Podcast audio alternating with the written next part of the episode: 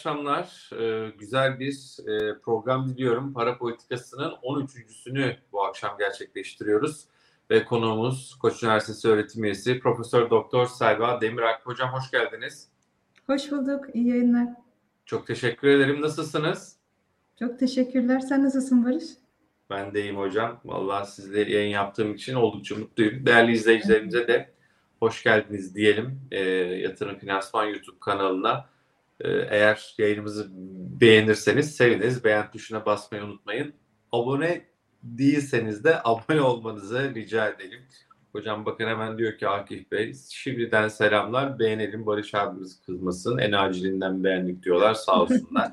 Beğenince yayınımız daha da yukarıya çıkıyor YouTube algoritmasında. Valla 130 bini geçtik hocam abone sayısında 135 bine doğru gidiyoruz. Maşallah. Hakikaten güzel, ivmeli bir e, yükselişimiz var. E, nazar değmesin diyelim. Şimdi sizinle hem yurt içini hem yurt dışını konuşacağız. Para politikası programında her zaman olduğu gibi. E, yurt dışında yani biz tabii faiz indirimleri ne zaman diye başlığı attık. Size de konuştuk. Şimdi bunu yurt dışındaki faiz indirimleri diye de konuşacağız. Ama benim daha çok merak ettiğim içerideki faiz indirimimiz ne zaman başlayacak? Ee, yarın Merkez Bankası toplantımız var. Ona dair beklentileri de yine Profesör Doktor Sayva Demirak'la konuşacağız.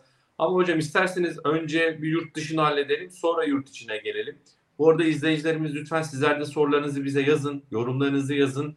Ee, abone olan izleyicilerimizin mesajlarını biliyorsunuz ekrana da yansıtabiliyoruz. Ee, Nil Hanım yarın bizim Merkez Bankamızın kararı bu arada sordunuz.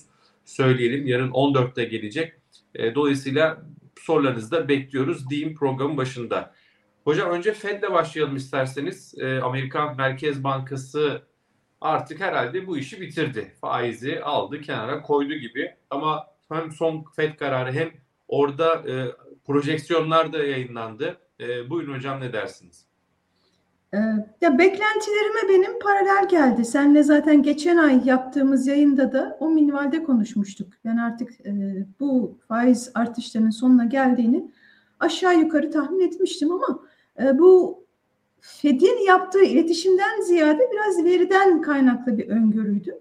Çünkü e, Fed ısrarla hani emin değiliz geldiğimiz yer yeterince sıkılaştırma sağlıyor mu? Henüz faiz indirimlerini konuşmak için erken e, şeklinde sinyaller verip piyasaların da bir rehavete kapılmasını engellemeye çalışıyordu. Ama öte yandan da veri bağımlısı olarak hareket ettiklerini söylüyorlar ve Amerika'da gelen enflasyon verisinin de artık yavaş yavaş hani üçlerin giderek altına doğru oradan da ikilere doğru gideceğine ya da iki buçuklara en azından gelecek senenin ilk yarısında gideceğine dair tahminler, projeksiyonlar e, paylaşılıyor. E, buradan yola çıkarak da hani Fed'in e, eğer e, hani o zaman seninle de konuştuğumuz yani gelecek senenin ilk yarısında bekler ve o ilk 6 ayda gelecek veri de hep 3'ün altında e, tutarlı bir şekilde gelirse gelecek senenin ikinci yarısından itibaren e, faiz indirimlerine başlar. Hatta 4'e kadar da çıkabilir şeklinde bir tahmin ben paylaşmıştım. Ki e, geçen hafta gelen e, sinyaller de bununla tutarlı oldu. Belki biraz daha hazırlasa mıydı FED e, piyasaları böyle bir e, dönüş yapacağına dair iletişim açısından daha iyi olur muydu? Muhtemelen olurdu herhalde ama dediğim Piyasalar gibi zaten hazır değil miydi hocam? Sanki Evet, evet. Hani bayağı güvercindi. Hatta piyasa FED'den... güvercindi de orada hani piyasa Fed'den gelen mesajlara e, tahmin mi ediyordu yoksa Fed'i bir yere doğru yönlendirmeye mi çalışıyordu? Ondan çok emin olamıyoruz. Yani resmi iletişimde pek bunun emarelerini görememiştik. Hani mesela Muhammed El Eriyan'ın e, yorumlarında o zaten hiç Fed'i sevmez. Sürekli eleştirilen. Fed ne yapsa e, yaranamıyor. Ama, ilk, ama son eleştirisinde haklıydı. Geç kalıyorsunuz, geç kalıyorsunuz, evet, evet. sonra hafife alıyorsunuz diye çok eleştirmişti. O eleştirisinin hakkı çıktı. Şimdi bu dönemde yine eleştiriyor. Fed'in iletişim stratejisi yanlıştır vesaire diye. Evet yani o yani FED pandemi sonrası dönemde e, faiz artışlarında geç kaldıktan sonra e, tamam Muhammed El Eriyan Orada bir eleştirisine başladı ama ondan sonra hani Fed ne yapsa ona yaranamadı bir türlü. Ee, yani hani faiz de arttırdı. Arttırırken de işte ben size demiştim geç kaldınız, işte yıkacaksınız, resesyon yaratacaksınız dedi. E resesyon yok. O zaman bari hani onu da e, yanına koyup söyle tamam. Hani ben resesyon diyordum. Hani sizin geç kalmanızın bedeli yüksek oluyor diyordum. Yani siz resesyon olmadan da bu işi buraya getirebildiniz. Ya bir yerde de biraz takdir etmek lazım bence. Tamam eleştiriyi anlıyorum da. Yani e, şu... Bizde de bu var. Bizde biz de konuşacağız bizim tarafı. tamam konuşalım tabii ki. Ya Barış şu. Yani ben hakikaten taraf tutar gibi e, körü körüne eleştirmek ya da e, körü körüne desteklemeye karşıyım. Kesinlikle. Yani e, Fed'in de hata yaptığını sonuçta tamam. Ya ben hep şunu söylüyorum. FED bir e, duruş sergilediği zaman görece çok daha bağımsız bir merkez bankası olduğu için yani FED ekonomiyi yanlış görüyor. Mesela şu anda işte FED hata etti. E, daha bir faiz daha arttırması gerekirdi. Türünde e, eleştiriler yapamıyorum.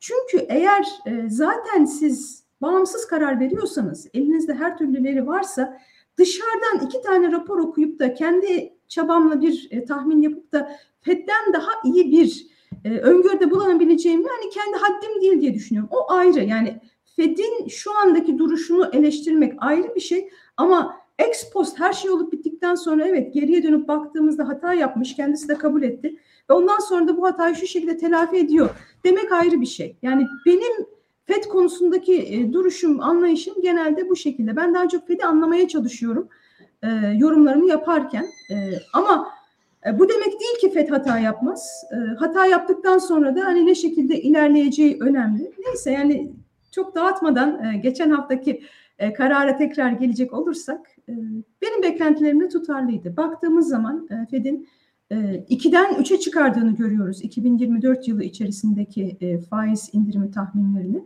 Ve bunu yaparken de kendi içinde şöyle bir tutarlılığı var. Enflasyon tahminine bakıyoruz. İşte bu sene için ciddi şekilde e, düşürmüşler. 3.3 ile bitecek derken 2023 yıl sonu enflasyonunu 2.8'e düşürmüşler.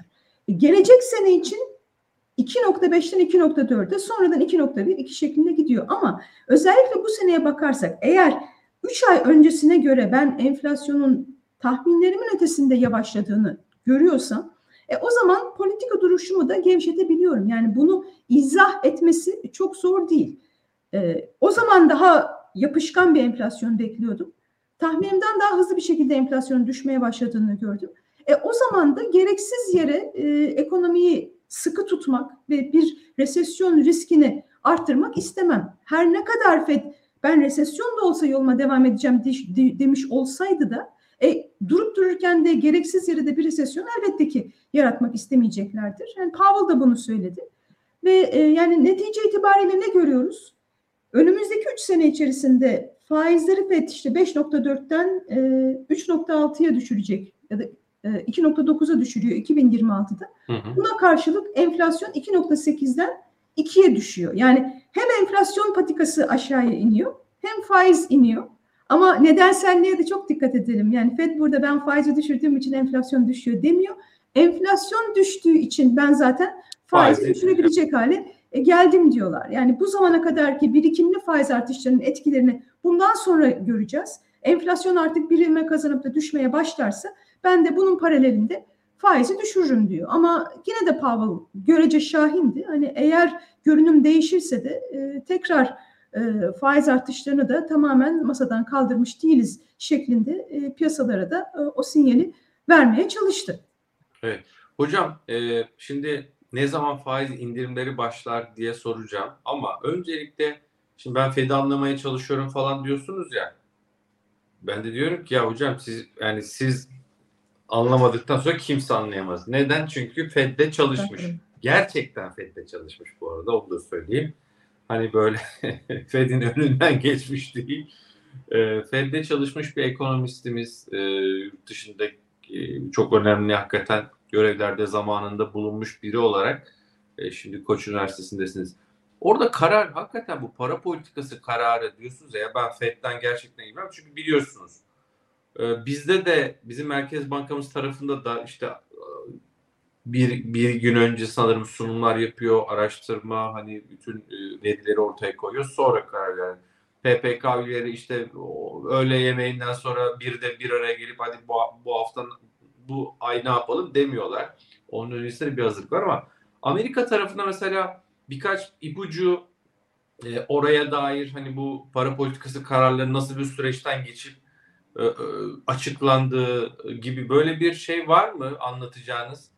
Böyle bu da tırnak içerisinde bu programın magazini olsun. Biz fazla şey içine girmeyeceğiz. Hani Yok tabii. Yani genel olarak hani bu mayalı işler mı nasıl olsun, yapılıyor? mayasız mı olsun ona girmeyeceğim ama e, Ahmet Hakan gibi e, ben şey soracağım size. Yani Fed'de bu nasıl algılıyor acaba? Oradan bir anekdot var mı? Ya şöyle bir kere e, rutin olarak haftalık briefingler oluyor. O FOMC dediğimiz hani e, Board of Governors yani işte Powell, e, Powell'ın e, yardımcı e, Fed başkanı ve orada altı tane sanıyorum işte şu anda e, Board of Governors üyeleri var. E, onlara bir kere rutin briefingler veriliyor ama bu FOMC'nin tamamı değil. FOMC'de bir de hani rotasyona tabi bölgesel Fed başkanları da girecek. Ama oradan bir kere ekonominin gidişatına dair e, FED çalışanlarından e, düzenli bilgilendirme alıyorlar. FOMC yaklaştıkça da e, FOMC üyelerine yönelik özel briefingler de oluyor ve bir işte pre-FOMC briefing dediğimiz büyük briefing oluyor. Yani FOMC'den hemen önce işte ekonominin gidişatı şu anda budur şeklinde hani en kıdemli artık diyeyim hani biz yani ben oradayken daha e, hani junior bir iktisatçıydım. Biz hani daha erken briefingleri verirdik ama yine de sonuçta Greenspan'in karşısına çıkıyorsunuz. Çok büyük olaydı benim için. Kalbinizin böyle küt küt attığı. Ama o pre-FOMC'yi sizin de direktörleriniz veriyor. İyice konuya hakim olan, her yerden soru gelebilir. En ufak bir yanlış yönlendirme olmasın diye. Zaten briefinglerde de tembih edilirdi. Eğer bir konuda en ufak bir şüphen varsa sakın cevap verip yanlış yönlendirme yapma. Dön çünkü orada e, bütün ekonomistler de oturuyor. Dön hani ben bu konunun uzmanı şu arkadaşımdır ona paslıyorum de o kişi kalkar hani uzmanı cevabını versin. Hani en ufak bir şekilde e, hatalı yönlendirme e, çok büyük bir sorumluluğu var tabii ki. Yani iş çok ciddiye alınıyor o açıdan. E, ama hani FOMC'den önce de e, FED Başkanı, Başkan Yardımcısı ve New York FED Başkanı bu Troika denen üçlü e, bir araya gelip işte e, esas hani e, baseline e, temel senaryomuz işte bu senaryodan bir tık güvercin olursak ve bir tık şahin olursak neler olabilir? O üç senaryoyu aslında tartışmaya başlıyorlar ve e, ona göre de hani alternatif metinler hazırlanıyor FED personeli tarafından. İşte eğer bu metin bu karar e, kabul edilirse onunla gelecek olan metin ne olur? Kafa kafaya veriliyor ama saatlerce süren e, yani insan artık hani bu kadar da bir kelimenin önemi nedir diye böyle ayakları insanın çekilmeye başlıyor ama hani çok e, özen gösterilen hani en son toplantıda bir eni e, ifadesini En- koymuşlar mesela. Metin tamamen aynı bir küçücük bir eni koyulmuş ama işte ona O eminim saatler harcanmıştır. O da bir sanat hocam ya. Yani bir E, o da bir sanat. E, çünkü çok fazla e, piyasalar hani çok fazla değişiklik yaptığınız zaman e, o kelimelerin çok fazla tek başına bir ağırlığı olmuyor ama metni mümkün olduğu kadar önceden öngörebilir bir şekilde hazırlayıp minimum değişikliklere gittiğiniz zaman bir metinden diğerine insanlar o zaman her bir kelimeyi yani bunu niye buraya koymuşlar bir sebebi vardır diye düşünüyorlar. Pavla da sordular o en iyi niye oraya koydunuz diye. O da dedi ki e, biz artık faiz artışlarının sonuna geldiğimizin sinyalini vermek için onu koyduk. E, yani hiçbir şey e, Evet. düşünülerek yapılıyor. Eminim bizim Merkez Bankamızda da böyledir. Hani şu anda Fed'in içini daha iyi e, tecrübem olduğu için sen de sorduğun için söyledik. Yoksa eminim bizimkiler de e, aynı Evet, özeni gösteriyorlardır. Onu tekrar Evet. zaten ikinci bölümde e, Konuş. konuşuruz. Hocam siz Greenspan'e sunum mu yaptınız? E, yapıyorduk tabii görev e, Evet. tanımımızı. Çok havalı. E, Çok havalı. evet. Ben Yani de havalı sen- korkutucu ama gerçekten hayatımda daha büyük bir stres yaşamadım. Ondan sonra hani Koç Üniversitesi'ne geldik. Çam ormanları, gençler etrafımızda. Ya dedim artık hiçbir şey kalbimi arttıramaz. Hani strese sokamaz beni diye düşünmüştüm yani. Çok güzel. Şimdi peki e, şimdi bu projeksiyonlarda FED üyelerinin e, dat plotlarda önümüzdeki sene 75 bas puanlık bir faiz indirim perspektifi e, tahmini ortaya çıkıyor gibi. Ama piyasa daha da agresif bir faiz indirimi bekliyor. Bir, hocam faiz indirimleri ne zaman başlar sizce? İki, e, ne kadar bir büyüklükte olabilir acaba Amerikan Merkez Bankası'ndan önümüzdeki sene gelecek faiz indirimleri? Ee, ben hala geçen ayki e, görüşümü e, koruyorum. Yani e, ilk 6 ay beklerler. E, yani piyasalar mesela Mart'tan itibaren faiz Evet. indirimlerinin başlayacağını düşünüyor ki ben zannetmiyorum. E, yani tamam güvercindi de o kadar da güvercin bir duruşu yoktu. Powell bence e, temkinli olmaya ve piyasaların erken e, rehavete kapılmasını engellemeye çalıştı e, elinden geldiği kadar. E, Yani bu kadar e, ilmek ilmek dokudukları e, yolda bir e, prematüre faiz indirimi yapmak istemeyeceklerdi. İyice tartıp o trendin gerçekten ikiye doğru, iki buçuğa doğru gelecek sene itibariyle e, 2.4 diyorlar. E, ineceğinden emin olmadan e, faiz indirimi yapmazlar. Haziran itibariyle bence başlayabilirler. E, ne kadar hızlı düşeceğine göre de 3 olabilir, 4 olabilir ama altılar e, bence çok abartılı. O kadar fazla faiz indirimi olacağını en azından şimdiki veriyle zannetmiyorum. Yani 150 bas puan falan 5.5'lardan 4'e indirmesini beklemiyorsunuz. Yok bana sanki e, işte 25'er bas puanlık hani 4 faiz indirimi olabilir gibi geliyor. Şu anda 3'teler ama bir tane daha e, araya sıkıştırılabilir. Bir puan e, düşmesi makul görünüyor. 4 5.5'tan o zaman 4.5'lara bir faiz Evet, evet. önümüzdeki sene Fed'den gelebilir. Ee, piyasa son Amerika'ya dair şunu sorayım. Piyasa çok önden koşuyor. Amerika'nın 10 yıllık tahvil faizleri 5'lerin üzerinden hızlıca e, aşağılara geldi. 4'lerin altına doğru. Buralara sarktı hocam. E, piyasanın tepkisiyle ve önden koşmasıyla ilgili e, yani bu tabii faiz indirimlere ben mesela Haziran'da başlayacağım diyor ama piyasa bir anda bunu önden satın alıp finansal koşullar belki gevşiyor, faizler düşüyor, faiz indirimi olacak diye. Buna nasıl yaklaşırsınız? Buna ne dersiniz? Ee, bu mesela Fed'i tedirgin eder mi? Yoksa istediği bir şey mi olur? Yavaşlamaya karşı şimdiden atacağı adımın hani böyle bir zamanlama konusunda bir değerlendirme alabilir miyim? Bence tedirginlik başlamış. E, yani bu tür dönüşlerin olduğu toplantılarda e, tabii yanlış anlaşılma e, ve piyasaların abartılı tepki vermesi riski çok yüksek oluyor. E, bunu engellemeye çalışıyorlar. Zaten e, geçen haftaki toplantıdan beri bölgesel FED başkanları çıkıp birazcık hani sakin olun. E, biz o kadar da gevşek e, gideceğimizi söylemedik e, şeklinde bir hani kontrol etmeye çalışıyorlar piyasaları. E, ve e, bu artan coşku hani birazcık şu anda da zaten Noel öncesi çok fazla likidite de yok. Onun da etkisi olabilir. Özellikle Ocak başından itibaren bence Fed'in de iletişimi daha aktif olacak ve bu piyasaların coşkusunu söndürmeye çalışacaklardır. Çünkü Fed'in niyetinin ötesine gitti şu anda piyasalar.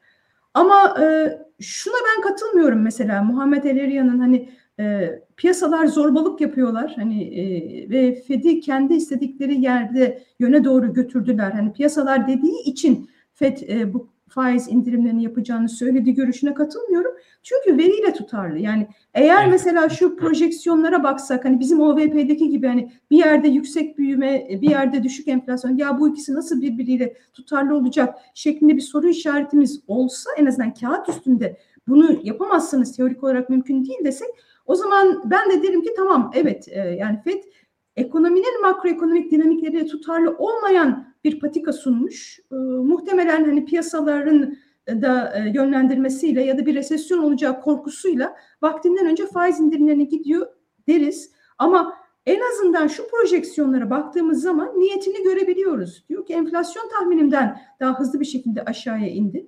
E, büyüme hala güçlü. Yine de ben bir parça düşeceğini düşünüyorum. İşte 1.4'e e, düşeceğine e, inanıyoruz. E, e, büyüme de böyle yavaşlarsa zaten benim daha sıkı olmama gerek kalmıyor şeklinde. Yani kağıt için üzerinde kendi içiyle tutarlı. Şunu Evet. da söyleyelim hani Türkiye kısmına geçmeden önce. Tamam. Powell'a şu da soruldu. Reel faizin önümüzdeki dönemde ne yöne gitmesini bekliyorsunuz? Çünkü tamam FED faizleri düşüreceğim diyor. Ama eğer enflasyon daha hızlı bir şekilde düşerse reel faiz yine yukarıda kalabilir. E, ama Powell bunu söylemedi. Yani e, olduğundan daha şahin görünmek gibi de belli ki bir e, ihtiyaç duymuyor ki hayır dedi reel faizlerin yönü e, bundan sonra aşağıya doğru olacak. Yani buradan da ne diyor? Biz e, politika faizini enflasyondan daha da hızlı e, düşüreceğiz ki reel faiz artık aşağıya gelmeye başlayacak. Yani ekonomide artık sıkılaşma ihtiyacı görmüyoruz. E, şunu da söyleyeyim, e, erken de de bir e, zafer de ilan etmek istemiyoruz. Yani piyasaların hani yaşasın işte FED enflasyonu da düşürdü, hard landing yani sert düşüş de olmadı şeklinde bir kutlama yapmasına ya da kendilerini övmesine de karşı hatta o kadar dikkatimi çekti ki dedi ki yani biz enflasyon tahminimizden hızlı düştü. Bunda da tedarik zincirlerindeki aksamaların pandemi dönemindeki daha hızlı ortadan kalkmasının etkisi var. Yani aslında bu yani ben bir e, kredi almıyorum. E, zaten tedarik zincirlerini ben kontrol edemiyordum. Ama benim kontrol edemediğim bir faktör şu anda benim lehime geliştiği için tablo bu kadar güzel oldu ki ben de faiz indirebilecek hale geldim diyor. Ee, yani ben olsam herhalde biraz daha e, yani bu kadar da tevazu göstermezdim. İşte enflasyon düştü. E, biz de beklentileri doğru kontrol ettik ki beklentiler de rayından çıkmadı derdim en azından. Ama e, gerçekten tevazu örneği hani ego hakikaten olmaması lazım.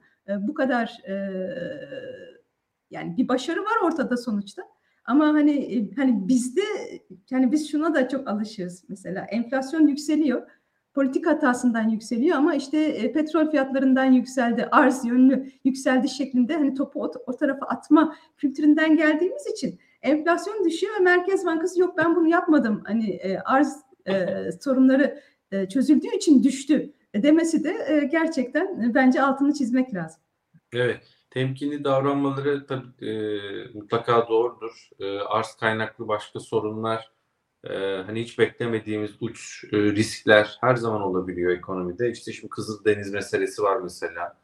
E, 36 milyar e, dolarlık bir kargo Kızıldeniz'den başka yöne e, e, gitmek zorunda kalmış. Başka bir rotayı takip etmek zorunda kalmış. İşte Husilerin Kızıldeniz'deki e, saldırıları nedeniyle dolayısıyla işte pandemi yaşadık, savaşlar, Ukrayna, Rusya hiç beklemediğimiz 2024'te de muhtemelen uç risklerle karşılaşma ihtimalimiz her zaman var. Onlar belki bu güzel Fed için güzel senaryoyu işte yumuşak iniş, e, enflasyonun inişi ve faiz indirimleri senaryosunu bozar mı bozmaz mı? Hani o, o konuda da biraz temkinli belki gidiyor olabilirler. Hocam Türkiye'ye geçeceğim. Avrupa'ya dair e, çok kısa şunu sorayım. Sonra Türkiye'yi izleyicilerimizin soruları var. Bol bol soru da alacağım. E, size de yönelteceğim. E, deniyor ki Avrupa daha erken davranır. E, Fed'den daha önce faiz indirir. Çünkü Avrupa'nın büyüme tahminlerine baktığımızda birin altında e, 0.8-0.9 e, gibi Euro bölgesi büyüme tahminleri var 2024 için. Siz Avrupa için de bir ufak yorum alalım. Hani Amerika'ya karşılaştırdığımızda gerçekten daha erken gelir mi? Onlar da çözmüş görünüyorlar. Ciddi şekilde onlar da enflasyonu aşağı çektiler. 9'ların üzerinden geldi orada da. Ne dersiniz? Evet, ona ben de katılıyorum. Yani Fed'den daha da erken e, faiz indirimine başlayabilirler. E, çünkü onların e, büyümesi senin de dediğin gibi e, Amerika'dan çok daha hızlı bir şekilde yavaşlayacak gibi görünüyor. E, her ne kadar e, Avrupa Merkez Bankası'nın çiftli hedefi olmasa da yani büyümeyi yüksek tutmak gibi bir hedefleri olmasa da büyümenin zayıfladığı bir ortamda enflasyonist baskılar da zaten düşeceği için e, faiz indirimlerine daha hızlı bir şekilde e, başlayabileceklerini zaten e, izah ediyorlar. Bir tane ECB'nin geçmişte de yaptığı hatalar vardı bu 2007-2009 e, krizinin başlamışken yani inat ettiler, faiz arttırdılar. Ondan sonra da bir türlü ekonomiyi toparlayamadılar. Yani sütten de ağızları yandığı için. Evet, e, Trişe'nin. O son e, faiz artışını yapmayacaktı olmayacaktı. diye çok yaptık zamanında. evet, e, yani muhtemelen evet olabilir. Yani Fed'den daha hızlı e, belki o zaman e, ilk çeyrek ya da e, ikinci çeyreğin ortalarına doğru e, bir e, faiz indirimi ECB'den görme ihtimali yüksek. Peki gelelim içeriye. Türkiye gelelim. Cumhuriyet Merkez Bankası'na. Şöyle biraz izleyicilerimizin mesajlarına bakayım hocam. Canlı yayındayız. Profesör Doktor Selva Demiralp'le birlikte soru ve mesajlarınızı şimdi Türkiye'yi daha fazla konuşuyoruz. Lütfen bol bol gönderin. Yayınımızı beğenmeyi unutmayın. Eğer abone değilseniz de abone ol tuşuna basmanızı rica ediyoruz. Sonradan bu yayında çok kişi izliyor. Onlar da yine abone ol tuşuna basarsa sevineceğiz. Şimdi şöyle mesajlara bakalım. Abone olan izleyicilerimizin mesajlarını yansıtabiliyoruz. Halil Bey demiş ki Merkez Bankası yine ters köşe yapıp 500 bas puan faiz artırır mı demiş. Efendim şöyle bakıyorum. Yarın Merkez Bankası faizleri sabit tutar mı demiş. Deniz Derin artmayacak gibi sanki demiş Teoman Bey. Siz de tahminlerinizi lütfen açın. Eşref Karacaoğlu Bey lütfen doğrudan mesajdan, DM'den, Twitter'dan bize yazın. Arkadaşlarım size ulaşsınlar. Tuğrul Bey 500 bas puan artış gelir. Ya hocam uçlardayız. As halbuki piyasa konsensüsü 250 bas puan anketlerde. Ama bizim yayında kimisi diyor ki 500 bas puan, kimisi diyor ki hiç yapmaz, pas geçer. Efendim yarın sabit veya tam tersi olursa demiş. Ee, Mehmet Bey yine pas geçme durumu var mı demiş. Serkan Müteveli Bey eğer vaktimiz kalırsa ben de merak ediyorum. Daron Hoca'nın bugün Sözcü Gazetesi'nde bir demeci vardı. Hocam mutlaka Gördüm. yazmıştır. İpek Özbey konuşmuş sanırım. Bakarız. Efendim e, diyor ki faiz artıyor, enflasyon da artıyor hissettiğimiz demiş. Diğeri de artacak bu arada. Yani manşet Mayıs'a kadar merkezin zaten projeksiyonuna göre 70'lerin üzerine gidecek. SB. Dolayısıyla sadece hissettiğimiz değil rakamlar da artacak. Kur artıyor demiş. Tek düşen şey var o da borsa. Faiz artımları ne zaman işe yarayacak? Bu da çok güzel bir soru. Valla unutmayalım bunu da yanıtlayalım. Bir faiz daha artıracak veya artırmalı demiş. Ee, Kaan Bey evet biz de zamanında çok hocamızı e, çok güzel yerlerde hep görüyoruz. Onu söyleyeyim. Efendim e, şöyle bakıyorum. Elin Greenspan hocam sunum yapmış. Fed'in efsanevi başkanıdır. Maestro lakaplıdır. Ee, asgari ücret bakalım hani vaktimiz kalırsa konuşuruz. Pas geçecek yapmayacak diyor izleyicimiz. Ali Bey ee, şöyle yine bakıyorum. 500 bas puan artarsa Azra Hanım sormuş.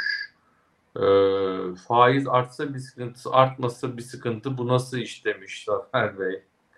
Vallahi işte yani maalesef. 250 yarın 250 Ocak'ta yapıp bitirirler demiş. Fatih Bey sabit diyor. Ee, Valla çok hakikaten yorumlar var yarınki Merkez Bankası kararına ilişkin. Öncelikle ben sizin tahmininizi sorayım. Ne yapmalı ve ne yapar? Hep iki sorumuz e, Merkez Bankası'na ilişkin ne dersiniz? Faiz artışlarının daha yolu var eğer ne yapmalıya cevap vereceksek ve e, hedefinin ne olduğuna bakacak olursak. Yani eğer gerçekten gelecek seneyi %36'lık bir enflasyonla bitirmek istiyorsak, böyle bir beklenti oluşturmak istiyorsak ve bütün ücret tahmin e, zamlarının da o beklenen enflasyon olan %36'ya göre yapılması yönünde e, eğer Merkez Bankası e, maliye politikasını e, ve e, işte şirketleri, işverenleri yönlendirecekse o, o zaman çok ciddi bir söze dönüşüyor. E, o sözü tutturabilmek için, %36'yı tutturabilmek için daha fazla faiz artışına gerek var. E, bunu neye göre söylüyorum? Kendi yaptığımız tahminler var. İşte Cem Çakmaklı ve Sevcan Yeşiltaş Koç Üniversitesi'nden arkadaşlarım. Mevcut duruşla e, %50'ler gibi bir enflasyonla biz sene sonunu, 2024 sonunu bitireceğimizi öngörüyoruz. Dolayısıyla e, ya hani tamam çok fazla faiz artışı oldu işte e, yeter bu kadar e, deyip duracak Merkez Bankası ya da işte e, bir beş puan daha arttırıp duracak. Ama o zaman yüzde otuz altı bence mümkün olmaz. E, ya da yüzde otuz altıyı ciddiye alacağım. Ben madem ki size bir söz verdim, madem ki ücret zamları 36'ya göre oldu, artık onu tutturtmak benim şeref borcum. Aksi takdirde reel ücretler düşecek deyip faizlere biraz daha asılacak. Yani bu ikisinden birinin tercih edilmesi e, gerekiyor. Ne yapacak e, sorusuna gelirsek de e, şimdi geçen toplantıda artık faiz artışlarının sonuna geliyorum şeklinde bir sinyal verdi. Birdenbire ani bir şekilde durmayıp yavaş yavaş yani ayağını gazdan çekeceğini ya da hafifçe frenleyeceğini düşünecek olursak işte zaten yorumlarda da vardı. İki tane iki buçuk puanlık e, faiz artışı daha yapar. İşte gelecek senenin işte Ocak ayında ya da Şubat'ta bitirmiş olur e, şeklinde bir senaryo bana da makul e, geliyor. Dolayısıyla 500 puanla bitireceğini pek tahmin etmiyordum. Ama bir de şu var yani en son yani resmi iletişimdeki verilen sinyal bana işte iki tane daha iki buçukluk faiz artışı olur şeklinde geliyordu. Fakat hafta sonu Merkez Bankası Başkanımızın e, röportajında yani vatandaş zaten kemer sıktı daha fazla ne kadar sıksın şeklinde bir e, iletişimde paylaşılınca e, sanki acaba duracak mı Merkez Bankası? Çünkü daha fazla sıkmayacaksak o zaman yarınki toplantıda da faiz artışının olmaması gerekir. E, o iletişimi... normal değil mi hocam? Ben de yazdım Twitter'a dayanamadım. Hani sizin gibi iktisatçılar yanında bana düşmez ama siz, sizlerle aynı havayı soluyor soluyor az çok bir şeyler herhalde değmiştir diye düşünüyorum. Ya ben okuduğumda Sayın Erkan diyor ki Gaye Erkan, Merkez Bankası Başkanımız. Ya bir de hatta ben biraz daha karikatürize edeyim. Sonuçta yazılı metin ama şöyle diyor. Ya sıktık sıkacağımız kadar. Daha ne kadar sıkalım vatandaşı? Yani vatandaş zaten e, para politikası anlamında sıkıldı diyor. Tamam diyor. Hani bu sıkılaşmayı yaptık yapacağız. Daha ne kadar yapalım? Şimdi ben bu mesajı okuyacağım ve bir hafta bir hafta da değil yani dört gün sonra Merkez Bankası toplantısı var. Ben o röportajı okuyup para, para politikasından tahminin ne derseler valla faiz artışı falan beklemeyin diye çok net söylerim yani. Ben de o öyle. mesajı ben görünce. De. Ben de öyle. Çünkü o sinyal o anlama geliyor. Bitirdik anlamına geliyor. Hani deminden beri Fed'i konuşuyoruz. Hani iletişimi konuşuyoruz. Powell çıkıp da eğer işte yeterince sıkılaştırma oldu derse Amerikan ekonomisinde insanlar piyasalar artık faiz artışları bitti sinyalini alırlar. Ee, e, hani sonradan yapar yapmaz ayrı yapmazsa da zaten o zaman Powell da eleştirilir işte şu anda da zaten eleştirdiğimiz sen Aralık başında hala yeterince sıkılaştırmadan emin miyim değil miyim bilmiyorum deyip de iki hafta sonra da e, faiz artışına e, gitmediğin zaman deniyor ama yani Aralık başında e, Powell bir faiz artışı daha var dememişti. O kadar net değildi. Sadece emin değilim diyordu ama o bile yeterli gelmedi insanlara. Hani sen o zaman faiz artışı yapmayacağım deseydin şeklinde bir netlik beklediler. Bizde bayağı net aslında o iletişim. Yani daha fazla ne kadar vatandaş kemerini sıksın demek. Yapacağımızı yaptık. Unumuzu eledik, eleğimizi duvara asıyoruz anlamına geliyor. Ee, Hatta ama bir e, ifadesi daha var. Tam bulayım mı izninizle? Tabii. Ee, çok özür dilerim. Tam hani birebir röportajdan ben de paylaşmıştım. Tam e, Sayın Merkez Bankası Başkanımızın ağzından hani ne eksik ne fazla röportajdan onu söyleyeyim izninizle okuyayım. diyor ki yani şunu da söylüyor. Vatandaş zaten daha ne kadar kemer sıkacak ki sıktık yeterince de sıkı olduğumuzu düşünüyoruz parasal sıkılaşmanın sonuna geldiğimizi belirtmiştik. Bu, da, bu ifade de önemli. Sıkılığın bir lokma bir müddet korunması lazım diyor. Yani parasal sıkılaşmanın sonuna geldiğimizi belirtmiştik de diyor bir de üzerine ekstra. Evet yani yaptık bitirdik bundan sonra e, hani işte Fed'in söylediği gibi higher for longer e, ama ne zaman faiz indirimleri olacak belki artık onları konuşacağız gibi e, bir çerçeveye doğru yönlendirmiş oluyor aslında bence de piyasaları. Ee, göreceğiz yani sonuçta e, bu bir e, PPK'nın oylaması olduğuna göre belki yarın eğer farklı bir karar çıkarsa o zaman başkan demek ki diğer PPK üyelerinden daha güvercinmiş ama oylama yapılmış e, oylamada daha şahin bir sonuç çıkmış gibi bir sonuç da çıkabilir ama Doğru. E, yine de hani karardan bu kadar kısa süre önce bir de şu da var hani Fed'de mesela bir sessizlik heh, tam onu söyleyecektim. Hani FOMC'den yaklaşık 10 gün önce sanıyorum artık kimse e, demeç vermiyor e, kafalar karışmasın. E, yanlış Beş yönlendirme olmasın. gelir. Değil mi hocam? 15 gün önce. 5 kitap raporu gelir. Sonra evet sonra sonra herkes e, artık susar. Ee, bu hani çok karardan da önce gelen bir e, yakın e, zaman önce gelen bir e, iletişim olduğu için orada da aslında or, yani bir sakıncaları var tabii ki ve zaten hani Türkiye'de çok görmediğimiz bir şey. Türkiye'de FED misali Merkez Bankası Başkanı ya da PPK üyelerinin öyle rutin bir şekilde medyada e, röportajlarını konuşmalarını hiç görmüyoruz. Öyle bir iletişim yok. E, az olunca da tabii ki e, hani durup durup da PPK'dan dört gün önce gelmiş bir iletişim tabii ki çok fazla e, dikkat çekiyor ve ciddiye alınması da gerekir. Yani bir ülkenin e, Merkez Bankası başkanı çıkıp da bir röportaj veriyorsa, para politikası ile ilgili e, yönlendirmeler yapıyorsa elbette ki ciddiye alınır. E, ama bakalım göreceğiz. Eğer gerçekten yarın pas geçilirse o zaman diyeceğiz ki Gaye Erkan da bu yönlendirmeyi zaten yapmıştı. Yapmış. E, orada da ondan sonra e, indirimleri o zaman konuşmaya başlayacağız herhalde. Peki şu 500 düşünenler de ya 250 e, yapacaktı ama o röportajdan sonra 500'ün hakkı var. Hani biraz algıyı düzeltmek için gibi o yüzden 500 yapar falan diyenler de var. 500'cüler ee, de biraz o şekilde yani röportaj sonrası 500'e çıkanlar var. Ee, benim az çok konuştuğum. Hani çünkü bir çok tartışıldı röportaj. Yani ben naçizane tabii sizin yanınıza bana laf düşmez ama Estağfurullah. Bence çok gereksizdi. Yani e, o kadar detay yani kişisel özel yaşamdan sorular vesaire e, bence gereksizdi. Çünkü çok güzel gidiyoruz para politikasında gibi görünüyor. Yani hakkını veriyor ekip, Merkez Bankası, başkan. Hani 8.5'tan 40'a kadar getirdiler. Ve son dönemde daha kararlı oluyorlar. İlk böyle e, Merkez Bankası Başkanı değiştikten sonra bir böyle zikzak oldu. Hani bir 8.5'tan 15 oldu. Sonra daha az oranda oldu. Sonra bir yukarı çıktı falan. Ama son aylarda PPK üyeleri değiştikten sonra çok net 500, 500, 500 gittiler. Ee, hani çok net bir tablo var.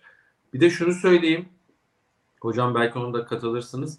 Sizin tabii tahmininiz 50'lerde olması piyasa e, konsensüsünün üzerinde gördüğüm kadarıyla.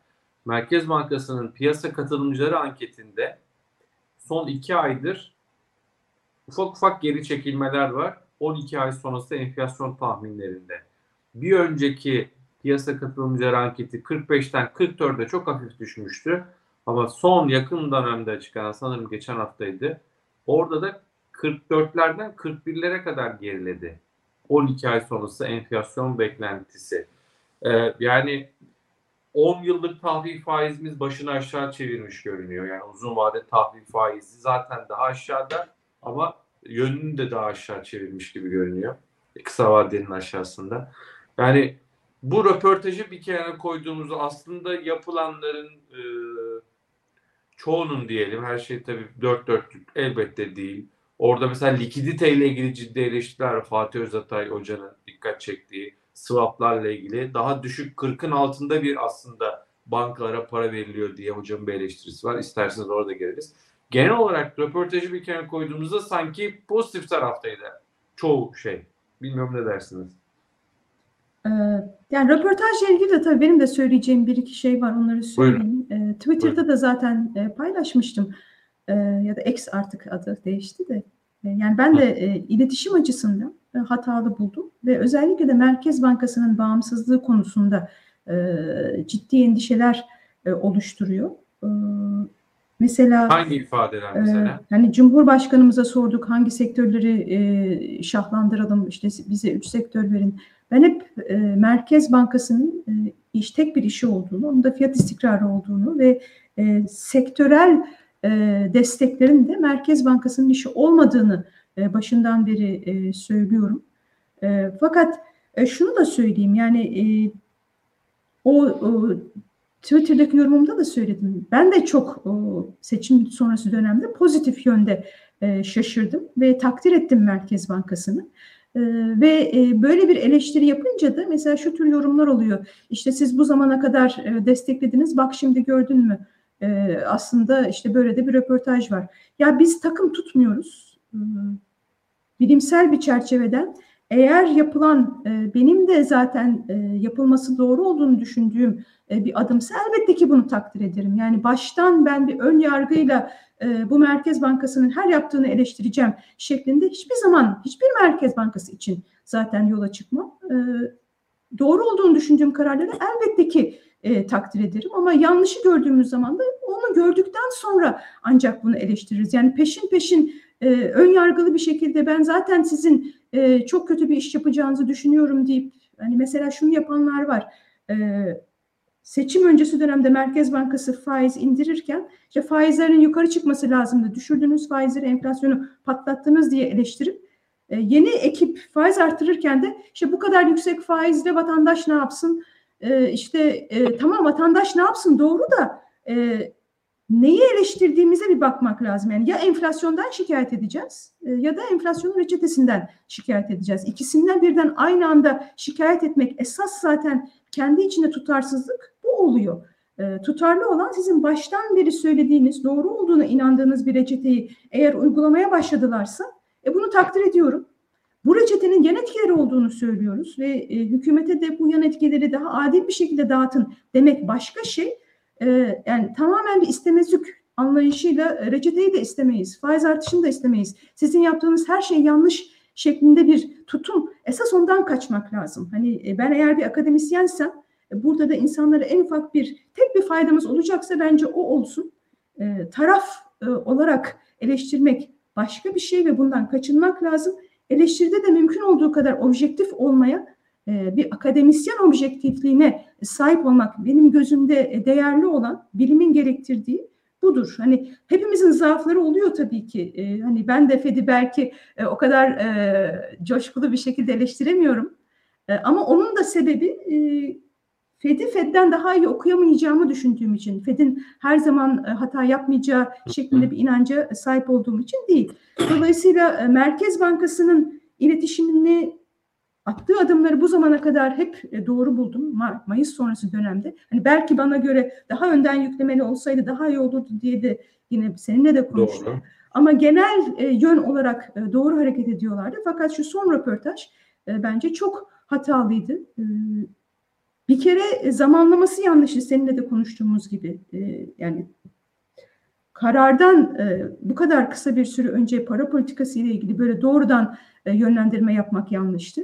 E, hükümetin e, yani Merkez Bankası sonuçta bağımsız hareket edebildiği sürece kredibilite kazanabiliyor ve beklenti yönetimini daha etkin bir şekilde yapabiliyor. Ama orada e, adeta bir hükümetin parçasıymış e, gibi e, konuştu zaten Gaye Erkan'ın demeçlerinde. Hani Cumhurbaşkanımızla konuşuyoruz işte hangi sektörleri destekleyelim.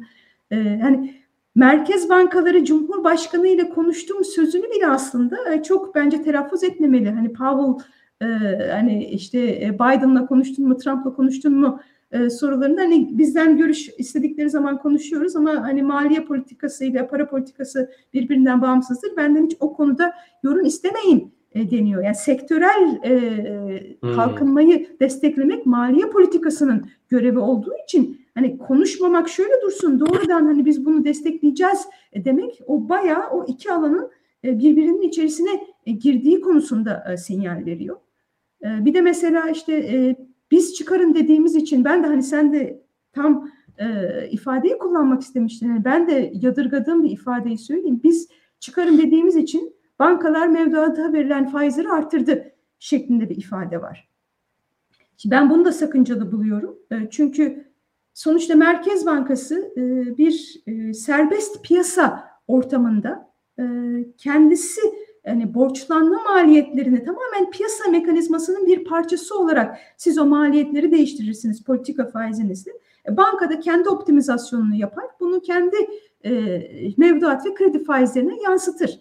Yani ben dediğim için sen o faizi arttırdın dediğiniz zaman hala bir emir komuta zincir. Hani o Mayıs öncesi dönemde de biz gördük mü bankaların ne kadar hırpalandıklarını işte. Şunu şöyle yapacaksın, bunun bu kadar cezası var e, bu kadar hani yakın kıskacı alıp mikro düzeyde bir kontrol e, bizim hoşumuza gitmeyen ve yeni yönetimle de artık bunların e, bu anlayışın geride bırakıldığına dair e, umutlar yaşarmışken hani bu tür bir ifade e, o mentalitenin çok da acaba değişmedi mi e, şeklinde e, soru işaretlerini Değişti mi sizce? Niye? Şöyle sorayım.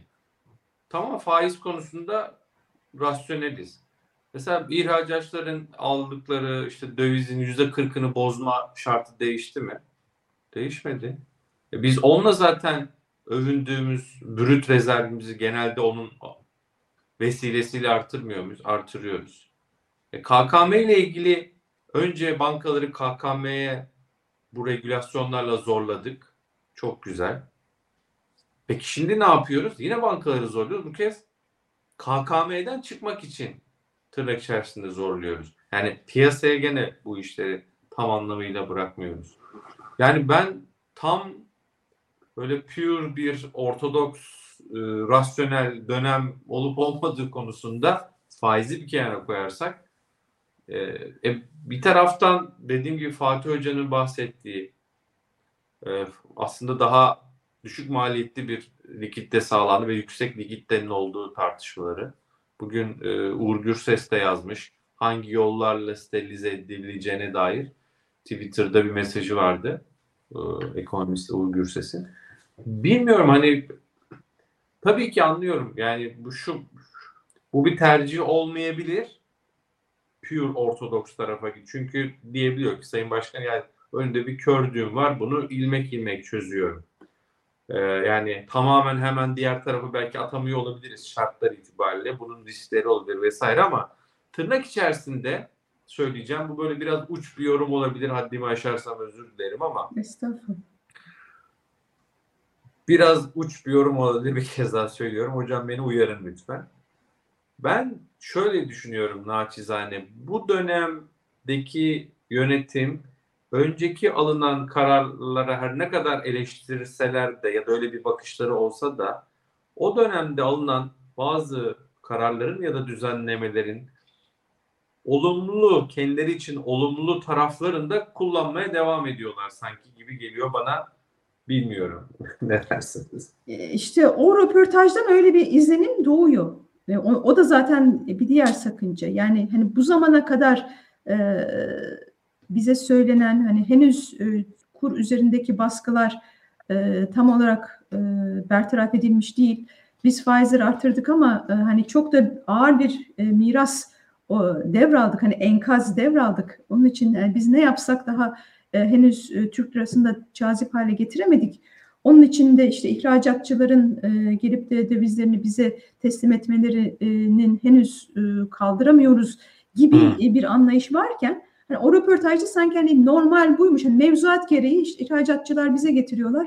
Biz de işte KKM ödemeleri yapılırken e, bunları piyasaya veriyoruz. Bu da e, döviz müdahalesi değildir gibi. Hani çok normali buymuş e, gibi sanki bir ifade olmuş. Ondan o zaman da işte senin dediğine geliyor hani e, hani sanki bu çok mu normal hani mevzuat gereği deyip de geçiştirilecek kadar normal değil. Bu anormal bir durumdu zaten.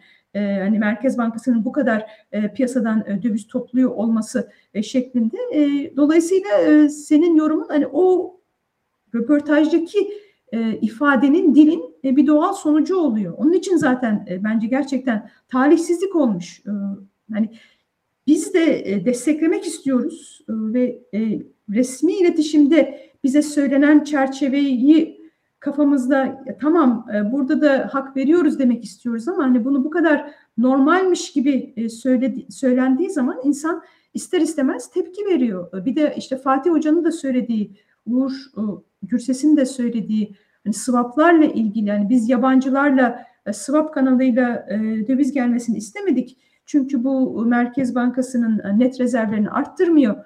E, istedik ki hani e, tahvil e, bono piyasasına Al, gelsin. Tahvil alıp E, dedik. Evet. e, tamam güzel ama o zaman da insan hemen şu soruyu soruyor. E, bugüne kadar hani aynı röportajda zaten hani bir iki e, cümle üstünde e, brüt rezervlerin e, iyileşmesinden bahsediliyor ve bununla hani e, bir övünç e, kaynağı olarak söyleniyor ama brüt rezervlerin de biz sonuçta e, yerli bankalarla yapılan swaplardan dolayı güçlendiğini de biliyoruz büyük ölçüde. E, o zaman da yine kendi içerisinde tutarsız e, bir ifade olmuş oluyor. Swaplarla hani eğer brüt rezervlere bakmayacaksak, net rezervlere bakacaksak o zaman niye brüt rezervlerden e, bahsettik biraz önce? E, dolayısıyla çok fazla hani teknik açıdan da e, hatalı ifadelerin olduğu ama tekniğin ötesinde hani dediğim gibi bu bir hani emir komuta zinciri hani Cumhurbaşkanının Merkez Bankası'na e, verdiği direktifler, Merkez Bankası'nın bankalara verdiği direktifler, yükselt o mevduat faizini dedin yükseldi. Yani bu tür e, ifadeler e, çok benim sakıncalı bulduğum, keşke olmasaydı dediğim ifadeler. E, ama olan olmuş yani şu anda yapacak bir şey yok tabii. Son bir şey söyleyeyim. Şimdi Sadık abiye falan girmeyeceğim. Ee, ya da mayalı yoğurt ya da işte TÜİK e, daha e, yüksek hesaplıyor. Üstelik süt fiyatları düşerken gibi böyle hakikaten sosyal medyada çok tartışılan mesajlar vardı. Ya Ee, orada bir de şu da vardı Barış yani e, Buyurun. enflasyondaki düşüşle fiyat düşüşünün aynı olmadığı sosyal medyada ben de görmem. İnsanlar tabii bunları hep görüp e, eleştiriyorlar. Hani siz e, bu tür teknik hatalar yaptı. Hani Sadık abiye işte e, fiyatlar düşüyor dedim. E, Sadık abi de soğanın fiyatına bak dedi diye bir ifade var. Ama enflasyonun düşmesi fiyatların düşmesi anlamına gelmiyor tabii işte. Sadık abi de fiyatlar düşmedi mi demiş. Artık tam detayları hatırlayamıyorum ama orada hani söyleyeyim. enflasyonun düşüşü sonuçta e, fiyatların düşüşü anlamına gelmiyor. Okuyayım Ee, hocam. Okuyayım. Biz normal dışarıdan alınan yoğurt yemiyoruz, mayalıyoruz. Süt fiyatları bazen markette artmıyor ama TÜİK istatistiklerinde arttığını görüyorum. Bu da bence çok tartışıldı. Evet. Apartman görevlimiz olan Sadık abiye de çoğu zaman fiyatları soruyorum. Onu sorguya çekiyorum. Ben indi diyorum. O inmedi diyor. Sürekli fiyatlar inmedi. İstersen git şu soğanın fiyatına bir bak diyor. Diye geçiyor röportajda. Evet. Ee, benim Sadık abi bir kenara koyuyorum. Selamlarımızı, sevgilerimizi gönderelim. O da meş- meşhur oldu. Sadık abiyle röportaj yapan gazeteci asıl gazeteciliği yapar onu söyleyeyim.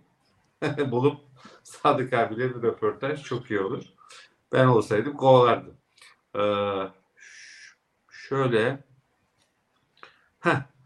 Bu mesela bu cümleyi ben anlayamadım.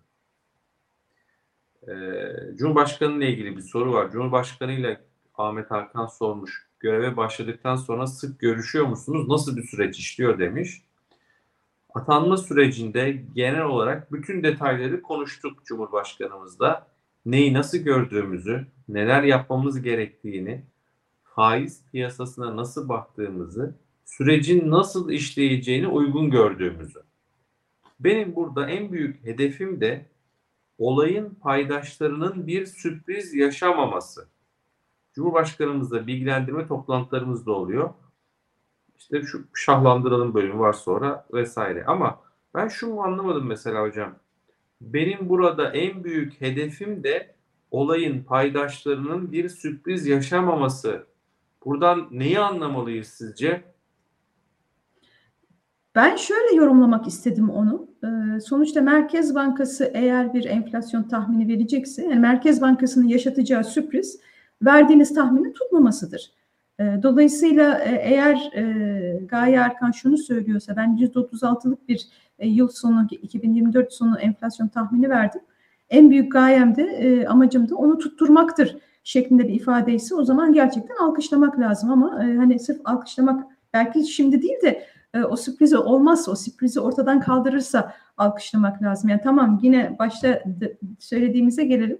Yani eleştirdik eleştirdiğimiz kısımlarını ama eğer o ifadeden çık e, şöyle yorumlamak yani benim yorumlamak istediğim şekliyle yorumlarsak ve e, Merkez Bankası Başkanımız da e, benle %36'lık hedef e, tahmin veriyorum ve orada sürprize uğratmayacağım e, sizi. E, en büyük e, benim için e, başarısızlık o %30'un 36'nın üzerinde bir enflasyon olmasıdır e, diyorsa e, ve e, o sürpriz olmaması için de ne gerekecekse yapacaksa e, ne güzel o zaman. e, Bu mu acaba? Ben Yok e, burada konuştuğumuz olumsuzlukları çöpe atacağım e, ve e, tekrar e, kendisini e, destekleyeceğim.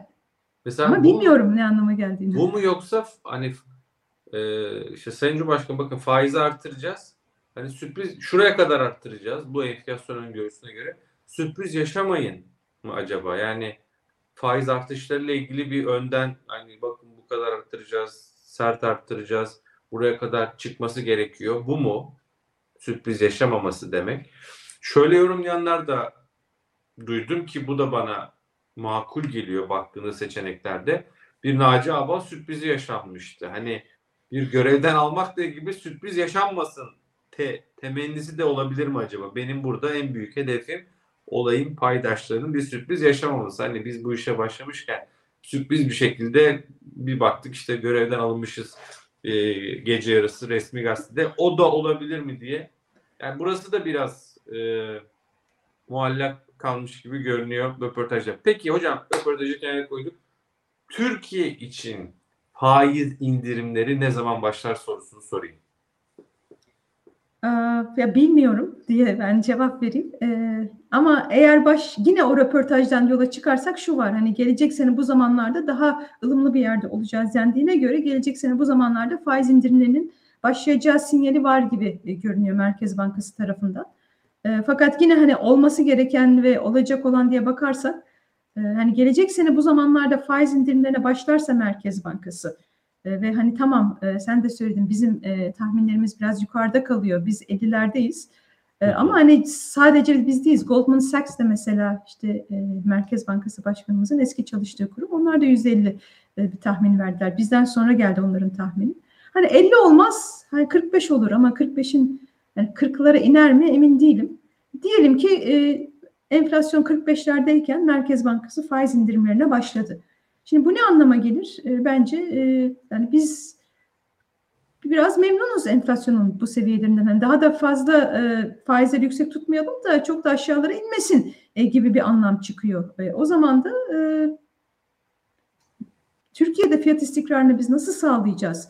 O, 40'lardan 20'lere sonra onlara e, nasıl inecek enflasyon? O konuda benim endişelerim var. Eğer- Bence sorayım. Eğer mesela şimdi enflasyon beklen, yani beklenen enflasyona göre şimdi reel faiz hesabı yapıyoruz hocam. Şu anda da enflasyonumuz 62'lerde.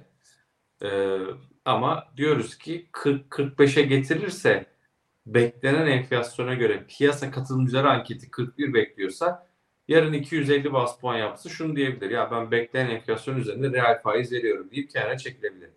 Seneye bu zamanlara geldiğimizde mesela 24 ay sonrası için enflasyon tahminine baktığımızda piyasa katılımcıları anketinin 24'ler civarında yanlış hatırlamıyorsam.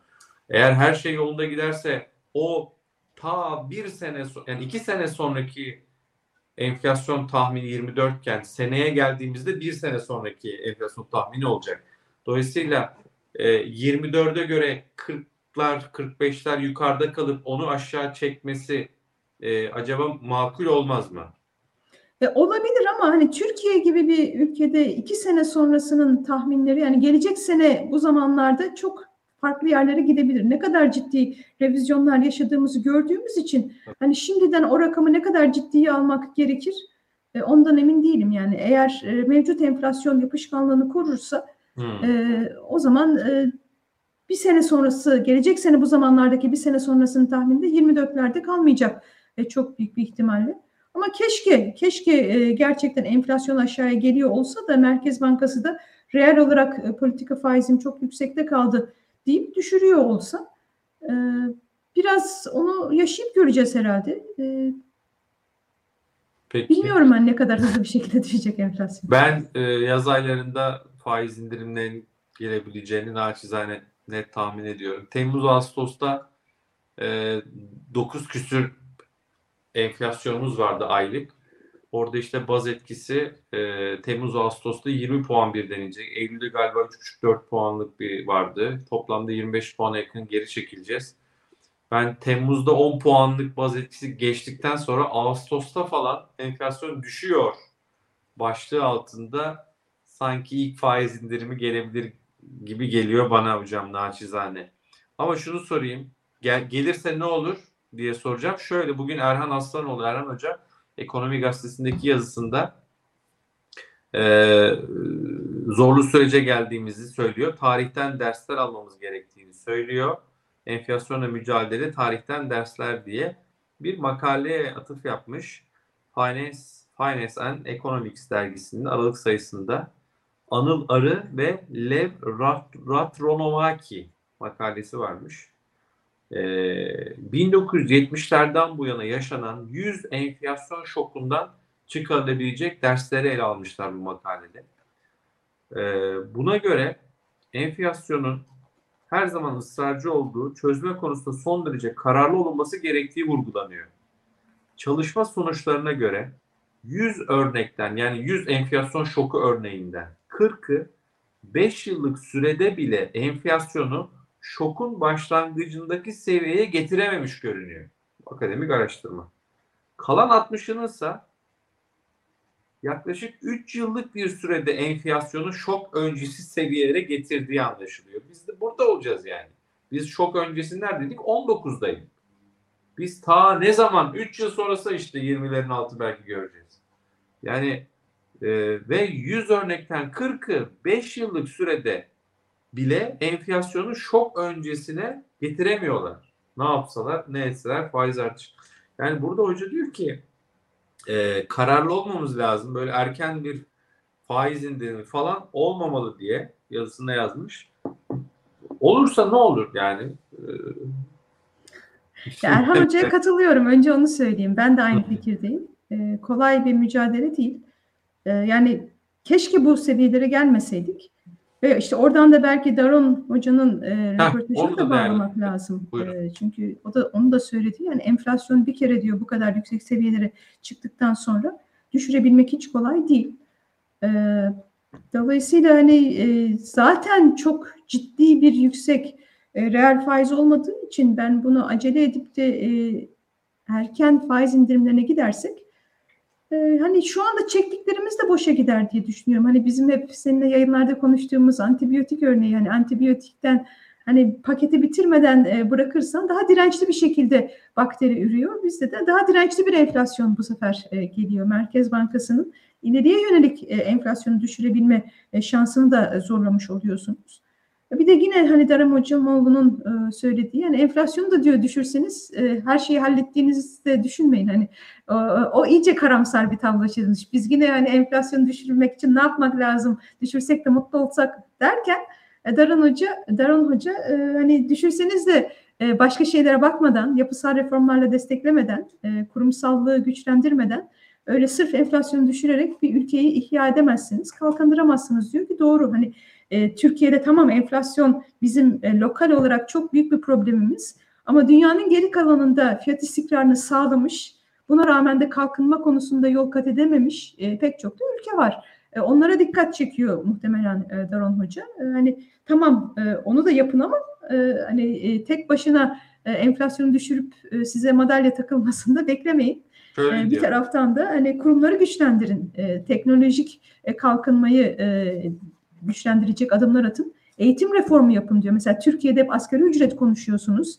E, asgari ücret zaten e, tamam e, düşük ama düşük olmasının da bir sebebi e, verimlilik artışının olmaması. Çünkü teorik olarak e, reel ücret eşittir e, marginal product of labor yani emeğin e, marjinal üretkenliğine eşit olması gerekir.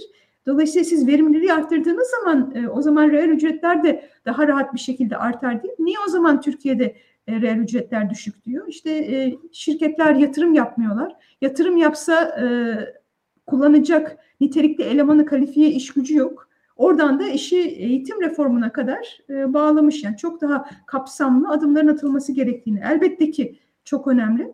Hani bazen e, şu da söyleniyor, hep para politikası konuştunuz, Merkez Bankası konuşuyor. ama Benim alanım olduğu için onu konuşuyoruz. Ama tabii büyük resme de bakmak önemli elbette ki. Yani enflasyonu düşürmek zor ama düşürünce de her şey hallolmayacak. Evet.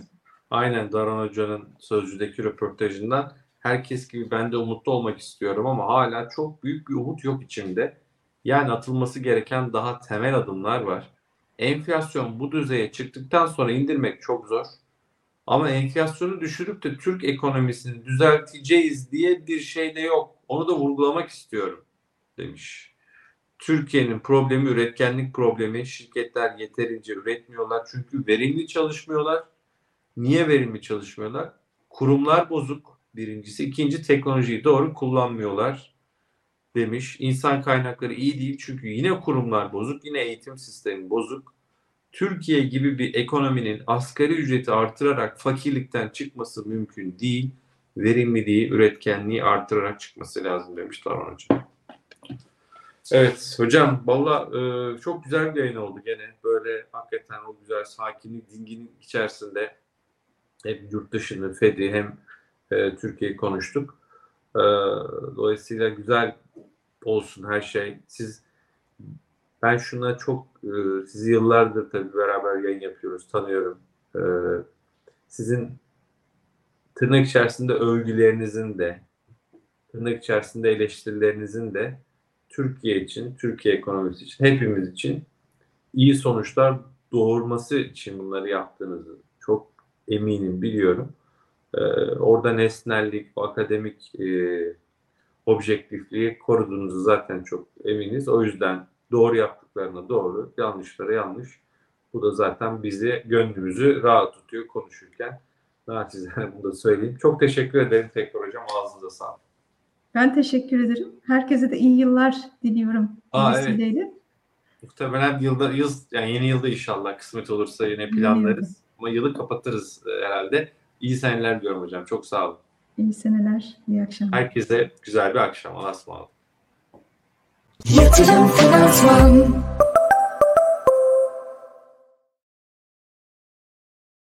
Yatırım Finansman